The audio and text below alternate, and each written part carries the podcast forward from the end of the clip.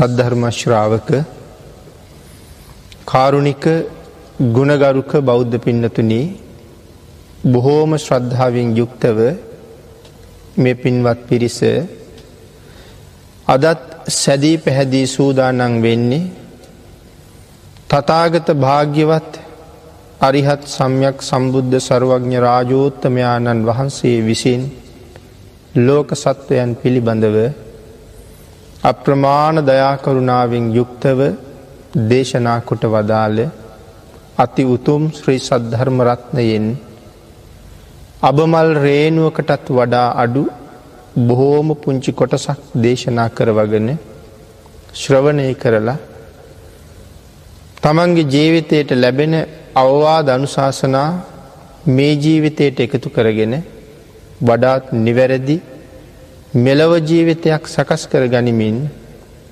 සුගතිගාමී වූ පරලොව ආයිති භවයකට මම්පෙත් සකසා ගැනීමේ උතුම් පරමාර්ථය ඇතුවයි මේ සද්ධර්ම ශ්‍රවණය කරන්න සූදානන් වෙන්නේ. පිනතන මේ ධර්ම දේශනා මාලාව තුළින් සම්මා සම්බුද්ධ කියන මේ මහා පුරුෂෝත්තමයාණන් වහන්සේ හඳුනා ගැනීම තමයි එකම පරමාර්ථය බවට පත්වෙලා තියෙන්නේ. සකල ලෝක සත්වයා කෙරෙහිම අනුකම්පාවෙන් නිවැරදිව සම්මා සම්බුදුරජාණන් වහන්සේ සරණයන්ඩ භාග්‍යතුන් වහන්සේ හඳුනා ගත යුතුයි කියන කාරණාව භාග්‍යතුන් වහන්සේම දේශනා කළා එනිසා භාග්‍යවතුන් වහන්සේ හඳුනා ගණ්ඩ මුල ඉඳලම පාරමිතාපුරපු කාල ඉඳලම ඒ චරිතය විස්තර කරවීම තමයි මේ දේශනා මාලාව අරමුණ. එමනම් අදත් ඒ දේශනාවේ තවත් එක කොටසක් සාකච්ඡා කරන්න සූදානන් වෙන මොහොත. සියලු දෙනාම ධර්ම ගෞරවේ පෙරදැරි කරගෙන මනාසිහි කල්පනාවින් යුක්තව මේ කාරණාව ශ්‍රවණය කරමින් මේ මහාපුරුෂෝත්තමයාණන් වහන්සේ හඳුනාගණ්ඩ වෙරවීරිය දරනවා ඇතැයි කියල කල්පනා කරමින් සියලු දෙනාට ඒ සඳහා භාග්‍යතුන් වහන්සේගේ කරුණාවේ ආශිරවාදයම ලැබේවා කියල ප්‍රාර්ථනා කරනවා. පිනතින අපි පහුගේ දවස්සේ සාකච්ඡා කරලා නිමා කරපු තැනින් මේ ධර්ම සාකච්ඡාව අධාරම්භ කරන්න තීරණය කරනවා. අපි පහුගිය දවසේ පහුගේ දේශනාව නිමා කළේ මේ මහා උතුම් වීර පුරුෂයෝ තනියම නිවන් සොයාගෙන ගියොත්. තනියම ගඟට සාගරයට බැහල පීනුවොත් පීනගණ්ඩ බැරි අහිංසකයන්ට මොකද වෙන්නේ. ඒ කාරණාව සුමේද තාපසතුමාගේ සිතුවිල්ලත් අපේ රටේ පහළ වෙච්ච ඇතැම් වීරයන් කරපු සාකච්ඡා පිළිබඳවත් අපි එදා බොහොම කෙටියෙන් සිහිපත් කළා. පිනතින අද අපි සාකච්ඡා කරන්න බලාපොරොත්තු වෙනවා මේ බුද්ධවන්ස පාලියේ කුද්දක නිකායේ බුද්ධවන්ස පාලියේ පනස් හත්වෙනි ගාථාව සහ පනස් අටවෙනි ගාථාව. මේ ගාථා දෙක පමණක් අද සාකච්ඡා කරන්න කාලයේ ප්‍රමාණ වෙත් වෙයි කියලා හිතෙනවා. පනස් හත්වෙනි ගාථාව සිහිපත් කරනවා සංසාර සෝතන් චින්දිත්වා විද්ධංසෙත්වා තයෝ භවී ධම්මනාවන් සමාරුයිහ සන්තාරෙස්සං සදේවකං. සඳහන් කරනවා මේ කාරණාව කොහොමද සඳහන් කරන්නේ සංසාරයේ නැමති ශ්‍රෝතය සින්ද තුන් භවය නසා දහම් නැවට නැගී දෙවියන් සහිත ලෝකයා කරවන්නෙමි කියල සඳහන් කරනවා. සංසාරයේ නැමති ශ්‍රෝතය සිඳ එකන සසර බැමි සංසාරයේ බැඳුම් සියල්ල ලෙහෙල කඩල විනාශ කරලා. භවය නසා නැවත මේ සංසාරය උපදිනවා කියන එක නැත්තටම නැත්තටම නැති කරලා. දහම් නැවට නැගී මේ භවය නැමති සාගරයේ තරණය කරන්න තියෙන එකම නැව සද්ධර්මය නැමති නෞකාවයි. මේ දහම් නැවට නැගලා දෙවියන් සහිත ලෝකයා කරවන්නෙම් කියල මෙතන සඳහන් කරන්න එතර කරවනවා. සද්ධර්ම නැවට උන්වහන්සේ ගොඩ වෙලා අන් සියලු දෙනා මේ නැවින් සංසාර සාගරයෙන් එතර කරවනවා කියෙන අදහස මෙතන සිහිපත් කරනවා. පිනතන දෙවැනි කාරණාව භාගිතුන් වහන්සේ මනාව අපිට පැහැදිලි කරලා දේශනා කරනවා. විශේෂයෙන් මේ පනස් හත්වෙනි ගාථාවෙන් තවත් අපිට පැහැදිලි කළා මේ කොයි ආකාරයෙන්ද මේ සංසාරය එතර කරවන්නේ. එහෙම එතර කරවන්න නම් මුලින්ම මම සසර පරතරයට යා යුතුයි. වෙස්සන්තර මහබෝසතාණන් වහන්සේ දාන පාරමිතාව සම්පූර්ණ කරලා අවසන් කරන්න සූදානන් වෙන වෙලාවී. මහපොලෝ කම්පාවෙන දාන කීපයක් දෙනවා. වෙස්සන්තරාත්ම භාවී. එයින් එක දානයක් තමයි තමන්ගේ දරු පැටව් දෙන්න දන් දෙන එක.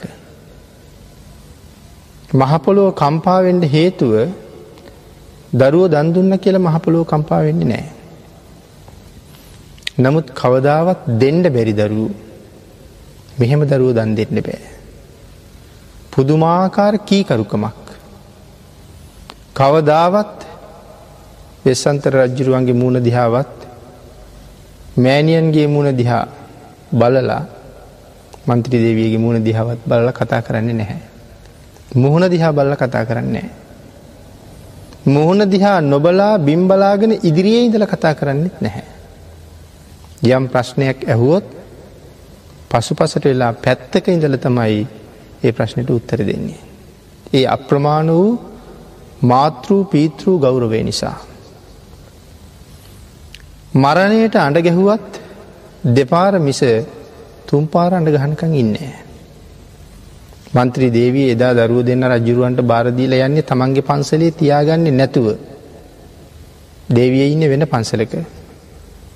රජ්ජුරුව ඉන්න තව පන්සලක. නමුත් එදා දරුව දෙන්න ගෙනල්ල ළඟට දීල කියනවා. ස්වාමීනී අදමා පලවැල සොයාගෙන එන තුරු මගේ දරුව දෙන්න ඇස් දෙක වගේ බලා ගණ්ඩුවනේ. මොකද මං ඊරෑ දැක හීනේ තරම් එතරම් හොඳ නෑ. නිසාද දරුව බලාගන්ට. නමුත් රජ්ජුරුව මේ ප්‍රකාශයම දන්නවා අද මගේ දාන පාරමිතාවේ තවත් කාරණාවක් උපරිම කාරණාවක් අද සම්පූර්ණ වෙනවා. ඒ නිසා වචනයක්වත් හාවත් හුවත් ප්‍රකාශ කරන්න නැතුව නමුත් දරුව නතර කරලා ගියා. ජූතක බමුණ එනකොටත් දරුව දන්නවා අද අපි දන්දේවිදේ තත්තක දාන පාරමිතාව ගැනත් දන්නවා. සඳහන් වෙන්නේ බමුණ එනකොට පොකුණට බැහල සැඟවිලා හිටිය කියලා නෙලුම් කොළ දෙකක් යට හිස උඩ කොළ දෙකක් තියාගෙන පේෙන් නැතුව. නමුත් දෙපාර අඩගහනකොට දන්නවා අඩගහන්න දෙන්න යද කියලා. නමුත් තුන්වෙනි පාරණ්ඩ ගහනකං ඉන්නේ. අපි සමහරලාට මගේරලා අම්මගේ පන්සල දිහන් ගිහිල්ල අපි නම් දොරවත් පාගන්නවා. තුන්වෙනි පාරණ්ඩ ගහනකොට කල්පනා කරන තුන්වෙනි පාර තාත්තා අඩගෙහුත් පව් සිද්ධ වෙයි. තුන්වෙනි පාර අඩගහනකං හිටියොත්. එනිසා දෙවැනි පාර අඩගහනකොට නැගිටිනවා තුන්වෙනි පාර අඩගහනකං ඉන්නතුව පෙනී හිටිනවා. ඒ වෙලා දරුවන්ට ප්‍රකාශයක් කරනවා දරුවනේ මේ සංසාරය නැමති සාගරයෙන් මට එතර වෙන්ඩත් ඕනෑ. සසර දුක්විඳෙන ඔබවන් සියලු සත්වයා සසරින් එතර කරන්නත් ඕනේ. ඒ නිසා මගේ දාන පාරමිතාව සම්පූර්ණ වෙන්ඩත් ඕනේ. නමුත් මේ ඔබ දෙදනාට මම ආදරී නැතුව එහෙම ආදරී නැතුව නෙවෙයි. නමුත් පුත්‍ර තෘෂ්ණාව නිසා සංසාරයේ අනිකුත් සියලු දෙනාට තියෙන සෙනහස කිල්ටු කරන්න පුළුවන්කමක් නැහැ සියලු දෙනාම සංසාරයෙන් එතර කරන්න වනේ. ඔබ දෙදෙනාට යම් ආදරයක් දයාවක් මාතුළ තිබේ නං එය මේ සකල ලෝක සත්වයාටම එක සේමයි. මගේ දරුව දෙන්නට කියල වෙනසක් නැහැ මේ දරුව දෙන්නට යම් සෙනෙහසක් තියෙනව නං මේ සකල සත්වයාටම මගේ සෙනෙහස ඒමයි. එන ඒ සඳහන් කළේ ඒ සෙනෙහස ඔබ කෙරෙහිත් මා කෙරෙහිත් එසේමයි. එනිසයි සඳහන් කළේ මේ දාන පාරමිතාව සම්පූර්ණ කරලා මේ සංසාර සාගරයෙන් එතරට යන්ඩ ඔබ දෙදෙනා මට අද නැවක් පෙන්ඩුවනේ. මේ ඔබ දෙදෙනා දන්දීමේ නැවෙන් මන් සංසාර සාගරයෙන් එතරට යන්ඩ කටයුතු සම්පූර්ණ කරනවා. මං එතර ගිහිල්ල ඔබ දෙදෙන ඇතුළු සකල සත්වයා එතර කරවනවා.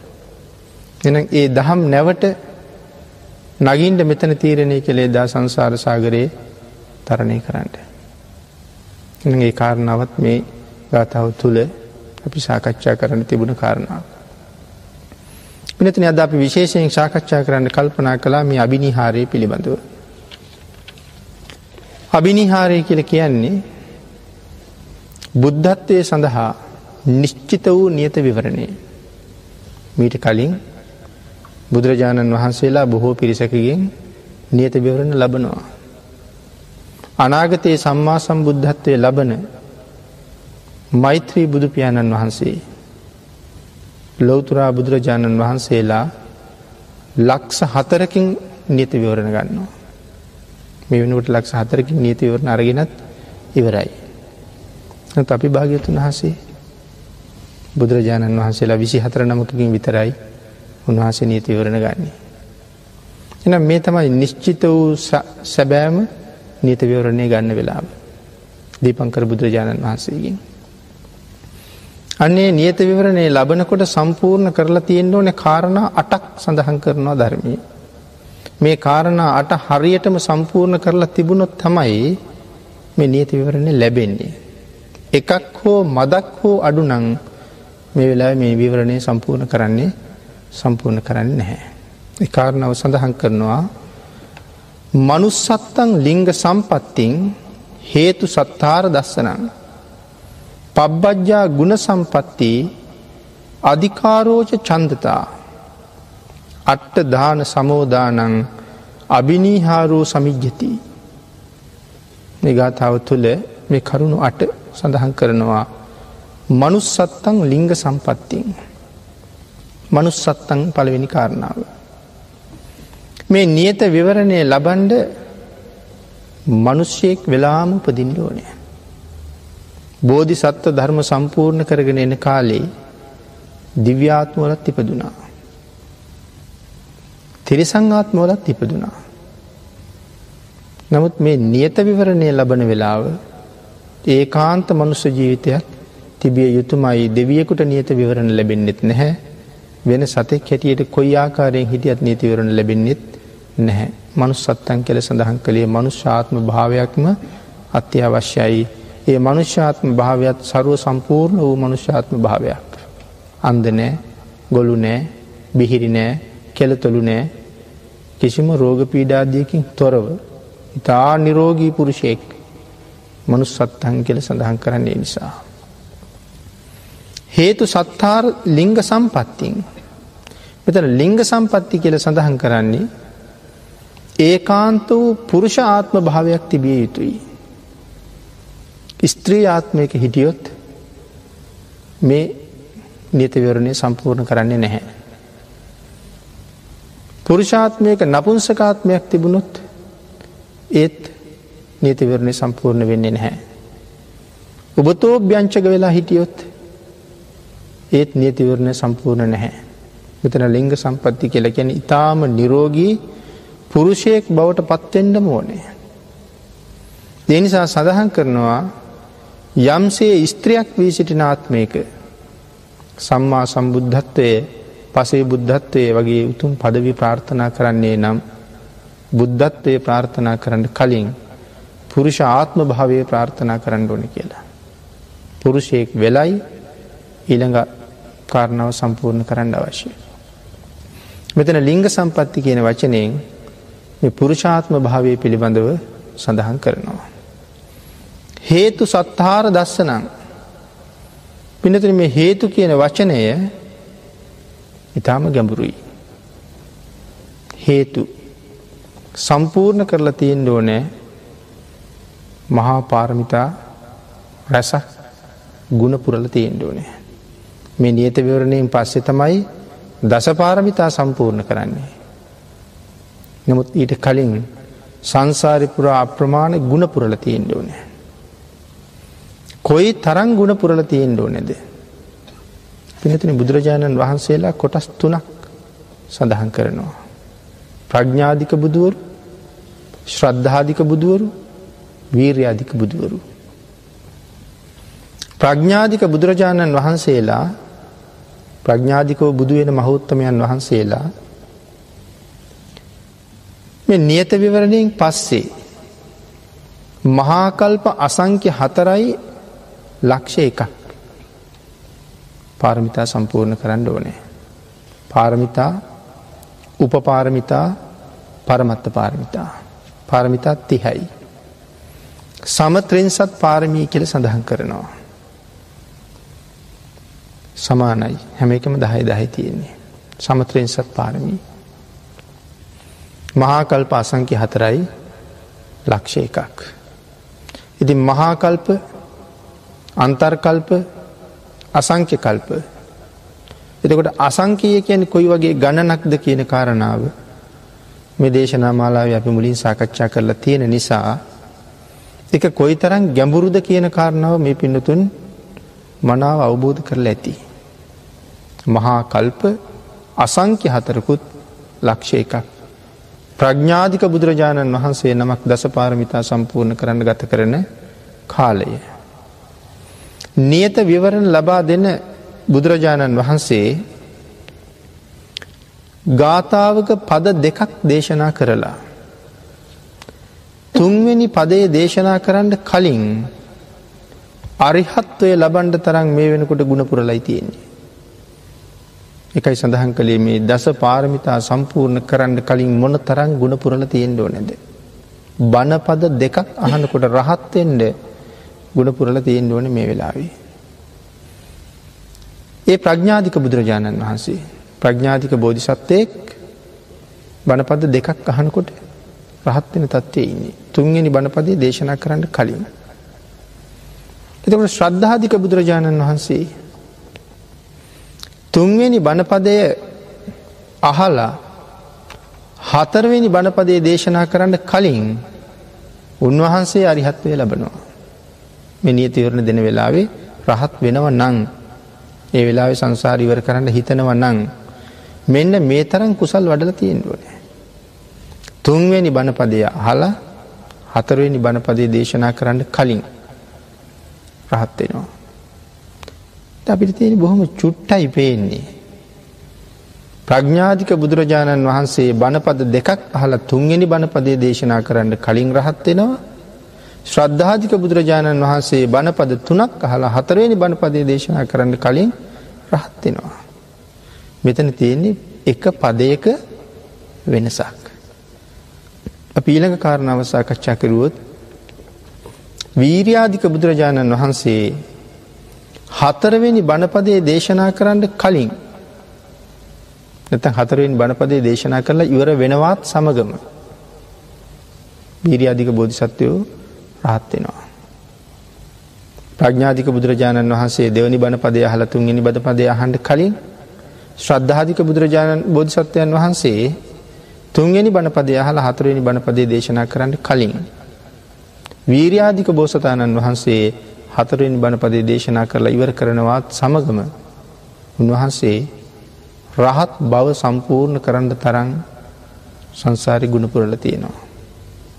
තැ මේ බණපද හතරක් ඇතුළත මේ වෙනස සිද්ධ වෙන්නේ ඉතාම ඉතාම ටිකයි.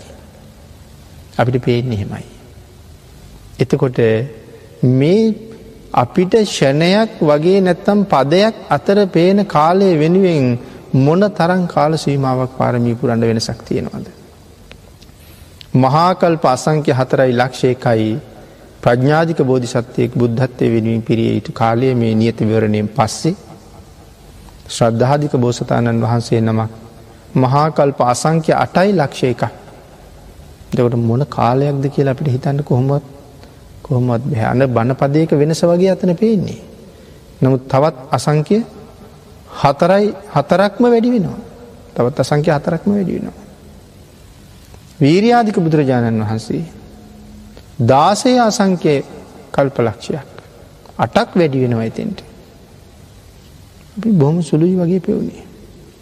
එ මොන තරං දීර්ග වීර්යක් වඩනවාද සම්මා සම්බුද්ධත්වය වෙනුවෙන්.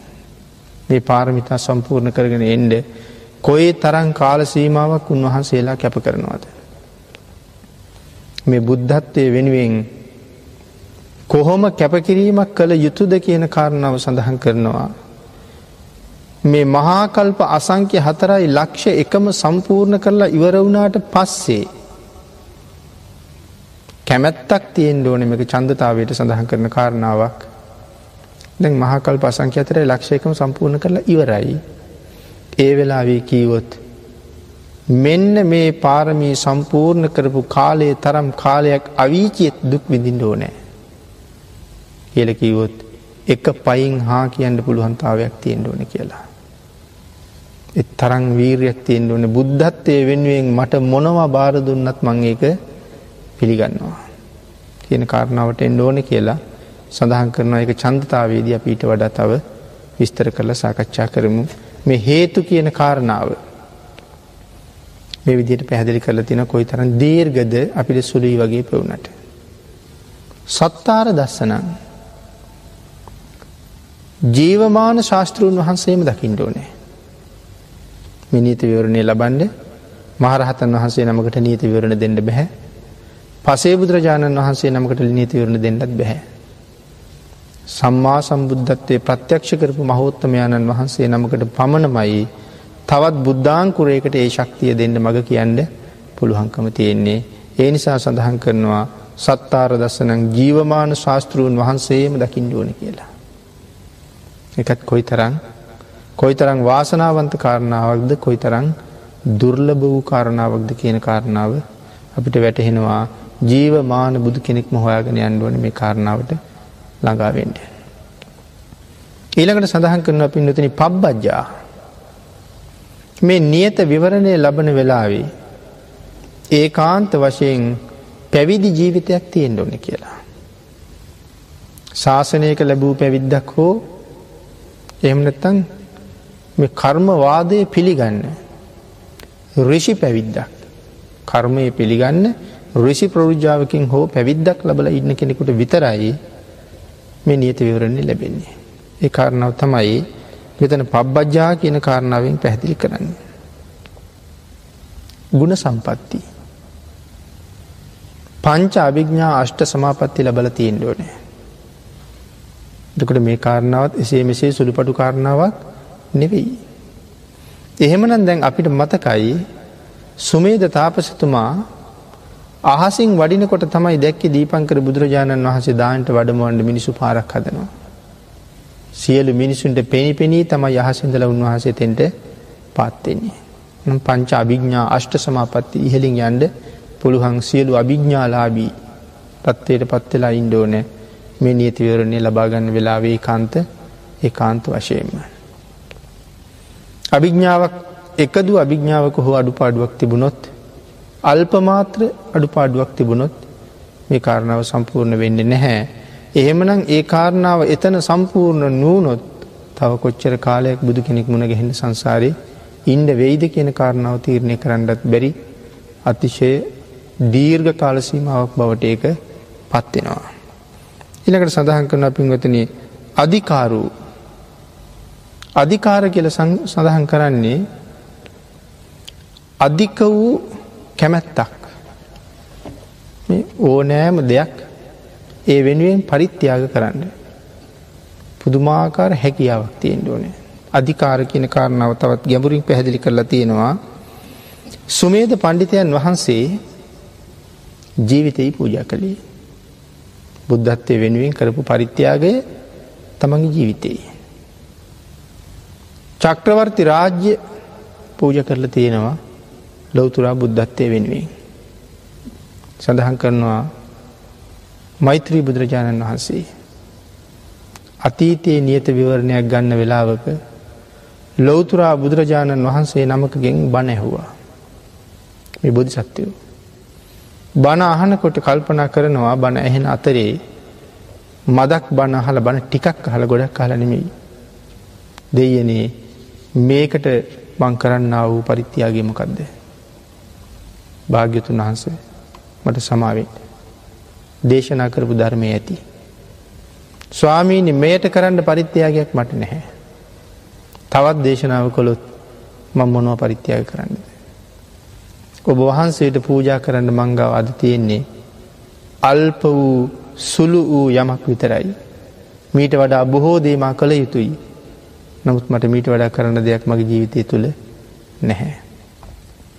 මේ බණ පද දෙක තුනට මොනවාගේ පරිත්‍යයාගයක් කරන්න ඇද්ද. මංගාව තියෙන අල්ප වූ සුළු වූ දෙයයි. මොකදද පූජ කරන්නේ තමන්ගේ නියපොත්තෙන් තමන්ගේ ගෙල කපනවා. ගෙල කපලා හිස ගලවලා භාගිතුන් වහසට පූජ කරනවා ස්වාමීණි මේ මදී නමුත් මට වෙන කරන්න මීට වඩ දෙයක් මිට වඩ දෙයක් නෑ කියලා. එනම් මෙතන සඳහන් කරනවා අන්න ඒවාගේ පරිත්‍යාගයක් කරන්න පුළුවන් හැකියාවක්. තියෙන් ඕන මේ ලොවතුරා බුද්ධත්වය ලබන්ඩ යන පුද්ගලෙක් ගාව. එනිසා මේ කෙසේ මෙසේ සුළුපටු කාරණාවක් එම නෙවෙයි මේ ඉන්දියත විවරණ ගන්න වෙලා සම්පූර්ණ කරන මේ කාරණා අට උන්වහන්සේ ඒ අතීතයේ කරපු පූජාවක්. එතකොට සම්මා සම්බුද්ධත්වය ලබන තැනටනකොට උන්වහසේ කොයි වගේ පූජාවල් සිද්ධ කරන්න ඇද්ද මේ කාරණාව මුදුම් පත් කරගන්න. ද මේ නියපොත්තෙන් ගෙල කපල පූජා කලා කියන කාරණාව එක පැත්තකින් අපිට විශ්මය ජනක බව වෙනවා.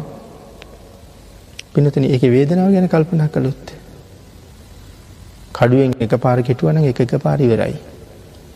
පිහියක් අරගෙන අතුල්ලලා කැපුවත් නියපොත්තට වඩා ඉක්මා. නමුත් මේ නියපොත්තෙන් සූර සූර සූර සූර මේ පැත්තෙන් ඉඳල අනි පැත්තට මතු වෙලා හිස කඳින් වෙන් වෙනකං නියපොත්තෙන් කපන්ඩ. කොයිවාගේ වේදනාවක් කොයිවාගේ කැපකිරීමක් මොනවාගේ අභිලාශයක් කොයි තරං හිතක් තියෙන් නැද්ද. එනම් මේ මහා බෝධිසත්වවරු වීරයෝ කියල සඳහන් කරන්නේ ඊට වඩා කියන්න වචනයක් කියන්න වචනයක් නැති නිසා. ඒ වගේ අප්‍රමාණ කැපකිරීම් කරලයි උන්වහසල මෙතෙන්ට ඇවිල්ල තියෙන්නේ. පිනතින ඊලක කාරණාව සඳහන් කරනවා චන්දතාවය පිළිබඳව. චන්දතාවේ පිනති චන්දකාවේ සඳහන් කරන අතර ඉතාම ගැඹුරු කාරණා රැසක් මේ චන්දතාව ඇත්ත එක් අපිට සාකච්ඡා කරන්න තියෙනවා. අන්තිම කාරණාව බලවත් වූ කැමැත්ත.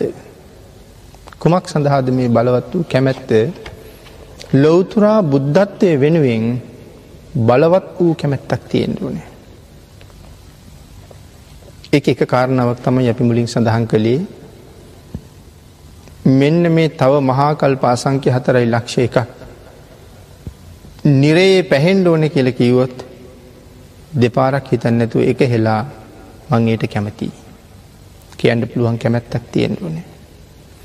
මේ මුළු සක්වල ගැබ එකම ජලතලයක්.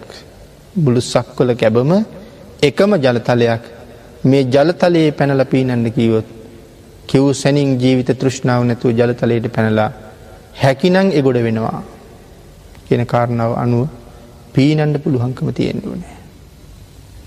මේ සක්වල ගැබම එරි එරී පවතින ගිනිියගුරු රැසකින් පුරෝලා තිබුණුත් අඩිය තිබ්බහමේරෙනවා. එක කොතෙක් එරෙයිද දන්න කරවටක් එරෙන්ඩත් පුළුවන් දනවටක් එරෙන්ඩත් පුළුවන් නාබි මණ්ඩලේ දක්වා එරෙන්ඩත් පුළුවන් කොතෙක් එරෙයිද දන්නේ. සක්වල ගැබම ගිනිියගුරෙන් පුරෝලා මේ ගිනි අඟුරු ගොඩිය බැහල එහැ පැත්තර ඇවිද අයුතුයි සම්මා සම්බුද්ධත්වය වෙන්වි කිවොත් කියන පුද්ගලයාගේ මුහුණ දෙසවත් නොබලා. බුද්ධත්වය ලැබෙනවා නම් මං මේ ගිනි අඟුරු ගොඩටත් බහිනවා කියන වීර්යක් තියෙන් ඕනි චන්දතාවයක් බුද්ධත්වය වෙනුවෙන් ඒ තරන් කැමැත්තක් තියෙන් ඕන කියන කාරණාව පැහැදිලි කරනවා. බලවත් කැමැත්ත චන්දතාවේ. පිනතින මේ බලවත් පූජාවක් ඒ විදියට සිද්ධ කරන්න ඕන කෙළ සඳහන් කරනවා. අපි මුලින් සඳහන් කලා මෛත්‍රී බෝසතණන් වහන්සේගේ කාරණාව ත්‍රිපිටකේ මූලාශ්‍රයක් ඒ කොතනින්ද තිබුණ කියන කාරණාව කෙනෙක් හෙව්වොත් ඔයාගණඩ බැරිවෙයි දස බෝධි සත්තු වත්තු කතා. අනාගතයේ ලොවතුරා බුදු බව ලබන බුදුරජාණන් වහන්සේලා දහ දෙනෙක් පිළිබඳව කරුණු සඳහන් කරන ඉපැරණි ග්‍රන්ථයක්. දස බෝධිසත්වවත්තු කතා. මේ ග්‍රන්ථයේ මේ පිළිබඳව සඳහන් කරනවා මෙන්න මේ භාග පරිත්‍යාග කරල තියෙනවා කැමැත්තෙන් ඉතාම කැමැත්තෙන් බුද්ධත්වය වෙනුවෙන්. ඉනකට පිනතින සඳහන් කරනවා මේ බලවත් වෑයම බලවත් උත්සාහය බලවත් වීරිය තිබිය යුතුයි කියන කාරණාව.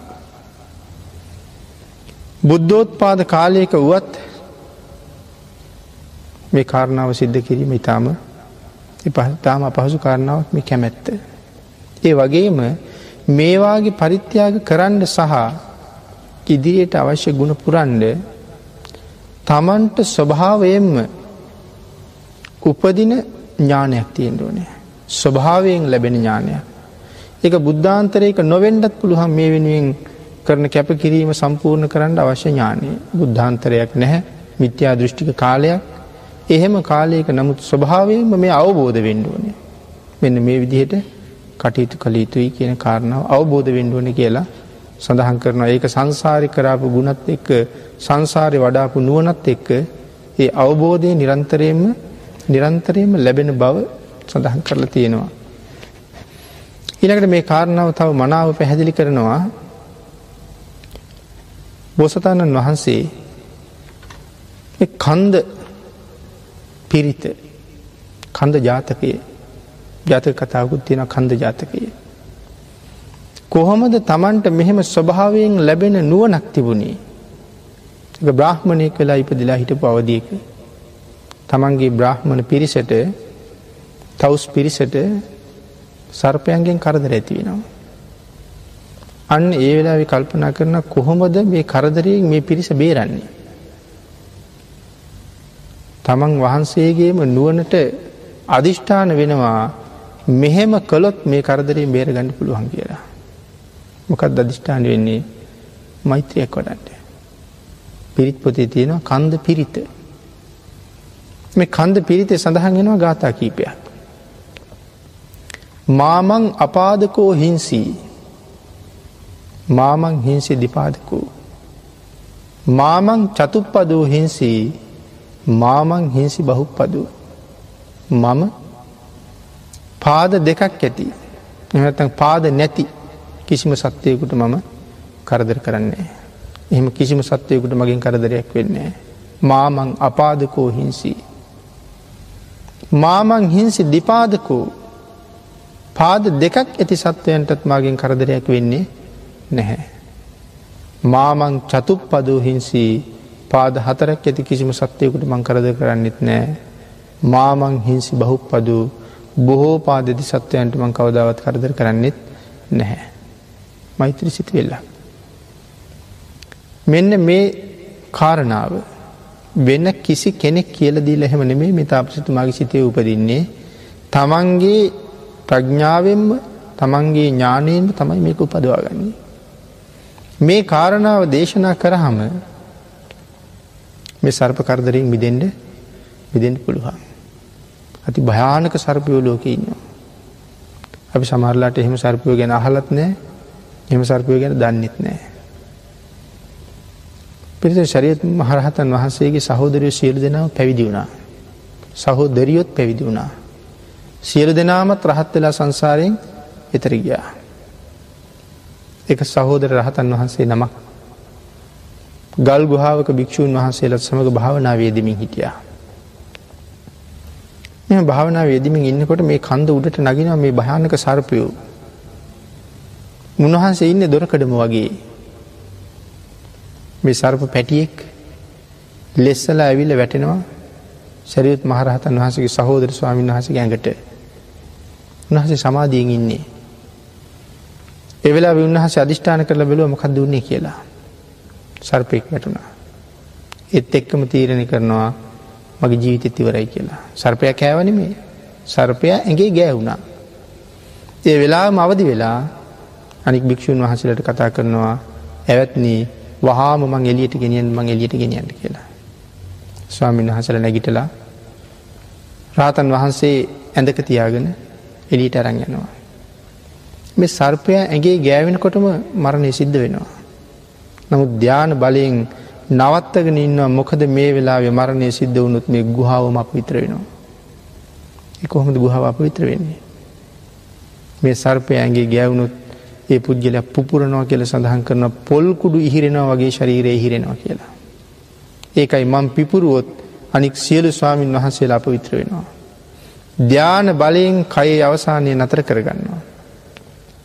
නතර කරගෙන තමයි කියන්නේ වහාම මං එලියට ගෙනියන්න කියලා. සැරියුත් මහරහතන් වහන්සිත් ළඟ ඉන්නවා. මේ සහෝදරයා රාතන් වහන්සේ හනවා ආශ්මතුනී බයක් දැනෙන් නැද්ද කියලා. ස්වාමීණී ජීවිත තෘෂ්ණාව නැති කරපු මට කුමක් ගැන බයවෙන්නද.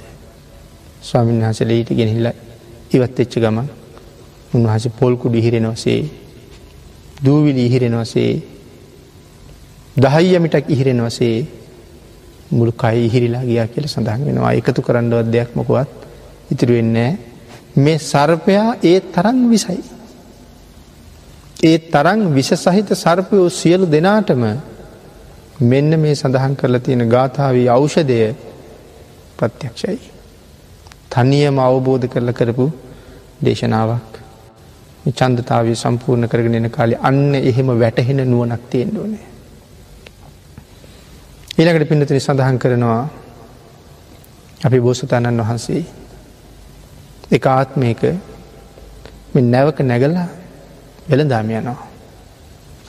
වෙළදාම යනකොට නැවකුණාටුවකට අහුවෙනවා. නැව මුහුදු බත්වෙනවා. මුහුදු බත් වෙනකොට මහසාගරයේ මැද්දි.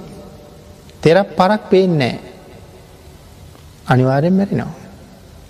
මේ සාගරය වෙන මොනව කරන්නද. නවත් පිනතින මේ වීර පුරුෂයෝ මැරෙන බව ඇත්ත. හැබැයි නිකම්ම ඒ මරණයට ඉඩ දෙන්නේ මැරෙන්ට. නිකම්ම මැරෙන්නේ. කෝමාරි මරණයෙන් බේරෙන වීරය කරනවා. මැරෙන බව ඇත්ත. තීරණය කරනවා වීරිය නොකර මැරුණුත් මන් නිවටෙක් වෙනවා. එනිසා වීරය කරලම වීරය කරලා බේරෙන්ට පුළුවන්නම් බේරෙනවා. බැරිවුණොත් මැරුණට කමක් නැහැ එදාට මම නිවටෙක් නෙමෙයි. මගේ වීර්ය මගේ ශක්තිය මං බේරෙන්ට යොදලයි තියෙන්නේ. නැවගිලෙනවා. එනිසා තීරණය කරන මං පීනනවා. කෑමත් නැහැ වතුරත් නැහැ සාගරයේ මැද්දේ. එහමන මට පීනන්න ගත්තට පස්සේ වේගෙන් පිපාසේ දැනී. දවස් ගානක් පීනනකොට මට බඩගින්න නිසා ශක්තිය නැතිවී. දැන හිතේ තියෙන මට දවස් ගාන පීන හැකි කියලා හිතේ තියෙනවා. එතරම් වීරවන්තයි. එනිසා සඳහන් කරනවා තමන්ගේ ඥානයට වැටහෙනවා දවස් ගානකට ඇතිවෙන්න මං මොනවා කණ්ඩෝ නැද කියලා. අපිට හිතාගණඩ බැම්මනවා කන්නද කියලා. තමන්ගෙම ඥානයට වැටහෙනවා හකුරුයි ගිතෙලුයි කෑවුත් මට දින ගානක් නිරහාර ඉන්න පුළුවන් කියලා. ස්වභාවයෙන් වැටහෙනවා. ඒ නිසා කණ්ඩ පුළුවන් තරන් ගිතෙල් හකුරුත් එක කනවා. සාමාන්‍ය කුස පිරෙනට වඩා වැඩියෙන් කනවා. දවස් ගානකට ඇතිවෙන්න කනවා. කාල මේ ගිතෙල් ඇඟ පුරා ඔල්ලුවේ ඉඳල ගාගන්නවා. මේ තමන්ට තනියම වැටහිලා මේ කරගන්නේ. ඇයි ඔළුවේ ඉඳල ගෑ ගන්නේ මේ ගිතෙල් දිය වෙන්නේ. සාගරයේ මන්දැන් පීනන්ඩ ඕනේ. අධික සීතලයි. එහෙමන ගිතෙල් ඇඟ නිකන් තට්ටුවක් ඇලිව වගේ වහලා තියෙන්නේ. එනිසා ඇඟ ඇතුළේ උෂ්ණත්වය හොඳට ආරක්ෂා වෙනවා බාහිරින් එන සීතලෙන් මාව ආරක්ෂා කරන සරුවාන්ගේ පුර හොඳට ගිතෙල් නාගන්නවා. හොඳට ගිතෙල් කාල හොඳට ගිතෙල් වලින් නාලා යට යමින් තියෙන නැවේ කුඹග හමුදුනට නැගලා කුඹග හමුදු නිදල පුළුහන්තරන් ඈතට පයිනවා.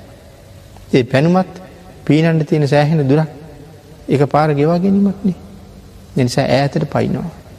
පැනල එතන ඉඳල ගොඩ බිම හොයාගෙන පීනට පටන් ගන්නවා. සඳහන් කරනවා පීනන්න තිය සාමාන්‍ය පුරුෂයෙක් මහමුද දැක්කත් මැරෙනවා හෙමන. එතරම් බයයි. මොන තරං වීරවන්තද. හරියටම කල්පනා කරල බැලුව.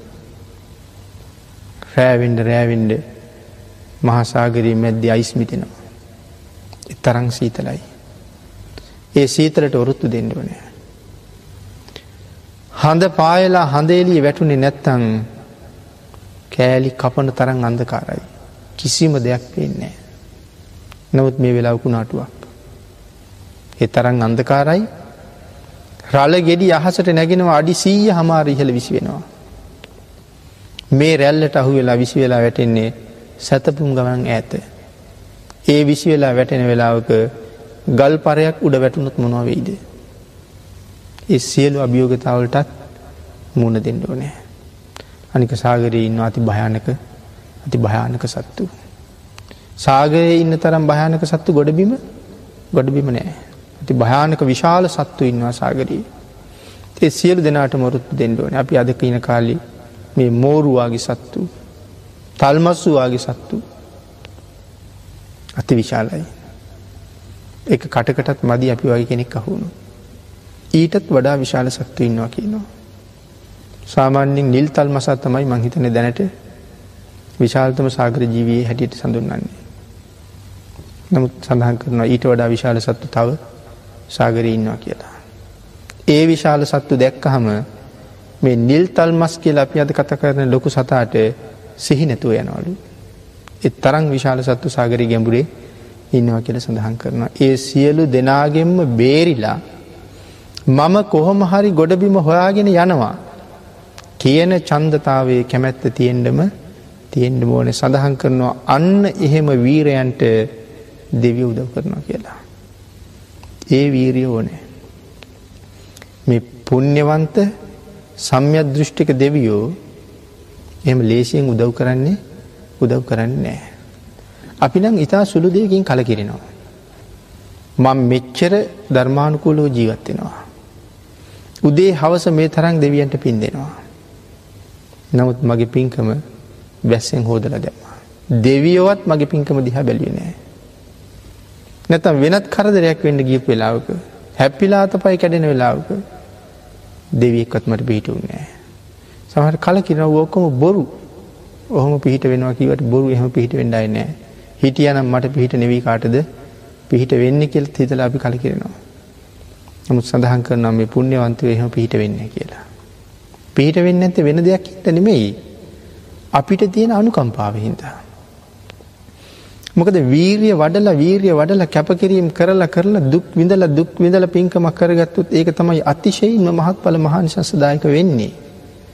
ඒ පින්කම කරගෙන යනකොට උන්වහන්සේලා මැද්දට පැන්ල හවුල්ලලා මේක කරලා දුන්නොත් මට ලැබෙන තියෙන කුසල් ප්‍රමාණය අඩුවෙනවා. අන්නේ හින්ද මැද්දට පයින්නේ මැද්දට පයින්න නෑ.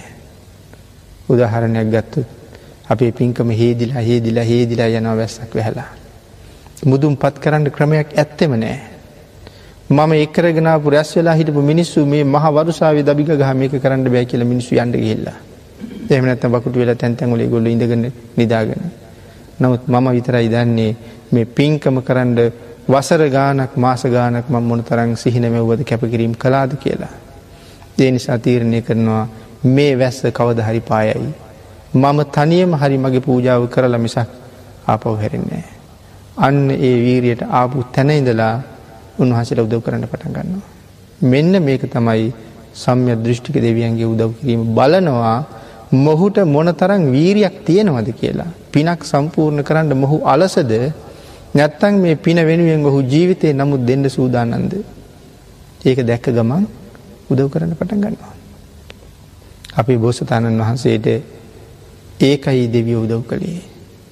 අම්ම කරීතියාගෙන පීනගෙන යන වෙලාවේ. කොහෙ පීනන්නද මේක. තෙරක් පරක් පේන්නේ ගොඩට පීනනවද දියඹට පීනනවද කියලා දන්නේ. අම්ම කියන මං අතඇරල පුළුවන් උඹ තනියම යමන්. අම්ම අතහරින්නෙත් නැහැ. එදා අපි මේ කතා කලා වගේම මහකුණාටුවක්.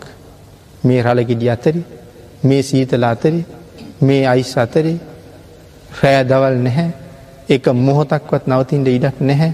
නමුත් පුදුම වීරයක්නේ ඒ සියලු දේවල් දැනගෙනත් මගේ අම්ම ආරම්මං ගොඩට යනවා. ඒ වෙලාවෙ තමයි මහා බ්‍රහ්මයෙක් දකින්නේ මේ යන්නේ බුදු වෙන්ඩ තරං වීරී තියෙන කෙනෙක්. ඒ වෙලා තමයි අම්මගේ හිතට සිතුවිල්ලක් ඇතුල් කරන්නේ. ආශිර්වාද කර පම්පුතාට කියලා. ඒ සිතුවිල්ල ඇතල් කරලා නිකං හිටිය නෑ හත් දවසක් කොහෙ පීනන්නද මනුසේක්. එනම් නොකා නොබී මේ සාගරයේ හත් දවසක් තරණය කරන මේ බ්‍රහ්මය උදව් නොකරන්න ඇද. මේ බ්‍රහ්මයාගේ උදව්වෙන් තමයි ගොඩට අරන් යන්නේ. හැබැයි ඒ උදව් කළේ මේ වීරිය හිතට අරගෙන පීනනවා දැක්කට පස්සේ. එහෙම නැත්තං උදව් කරන්නේ උදව් කරන්නේ නැහැ. ඒඇන අපිට යොදන්ඩ පුළුවන් උපරිම ශක්තිය අපි යොදනකම් බලාගෙන ඉන්නවා. මේ වීරය වන්තයාට මෙතනින් එහාට කාගවත් හයියක් නැතුව ඇදෙන්ට බැරි වෙයි කියලා හිතිච්ච වෙලාකුන් වහස ඇත දෙෙන්ට සූදාන. එන මෙන මේ විදිහත් තමයි සම්ය දෘෂ්ටික දෙවියෝ එවන් වීරයවන්ත පුද්ගලයන්ට උදව් කරනවා කියලා සඳහන් කරන නිසා පසු බහින පුද්ගලයෙක් ඉතා නිවටයි කියල තීරණය කරන්නේ ඒකයි වීරිය නොකර මැරෙන එක ඉතාම නිවට නිවට වැඩක් නිසා වීරය කරන්න ඕනෑ. එහෙම වීරයවන්තයන්ටයි බුද්ධත්වය පවා ලබන්ඩ වීරය කරන්න හිතෙන්නේ. එනිසා ඒ වීරියෙන් කටයුතු කරන්න පුළුවන්කමක් තියෙන් ඕන කියන එක මේ චන්දතා කියන එකෙන් මේළඟට පැහැදිලි කරනවා.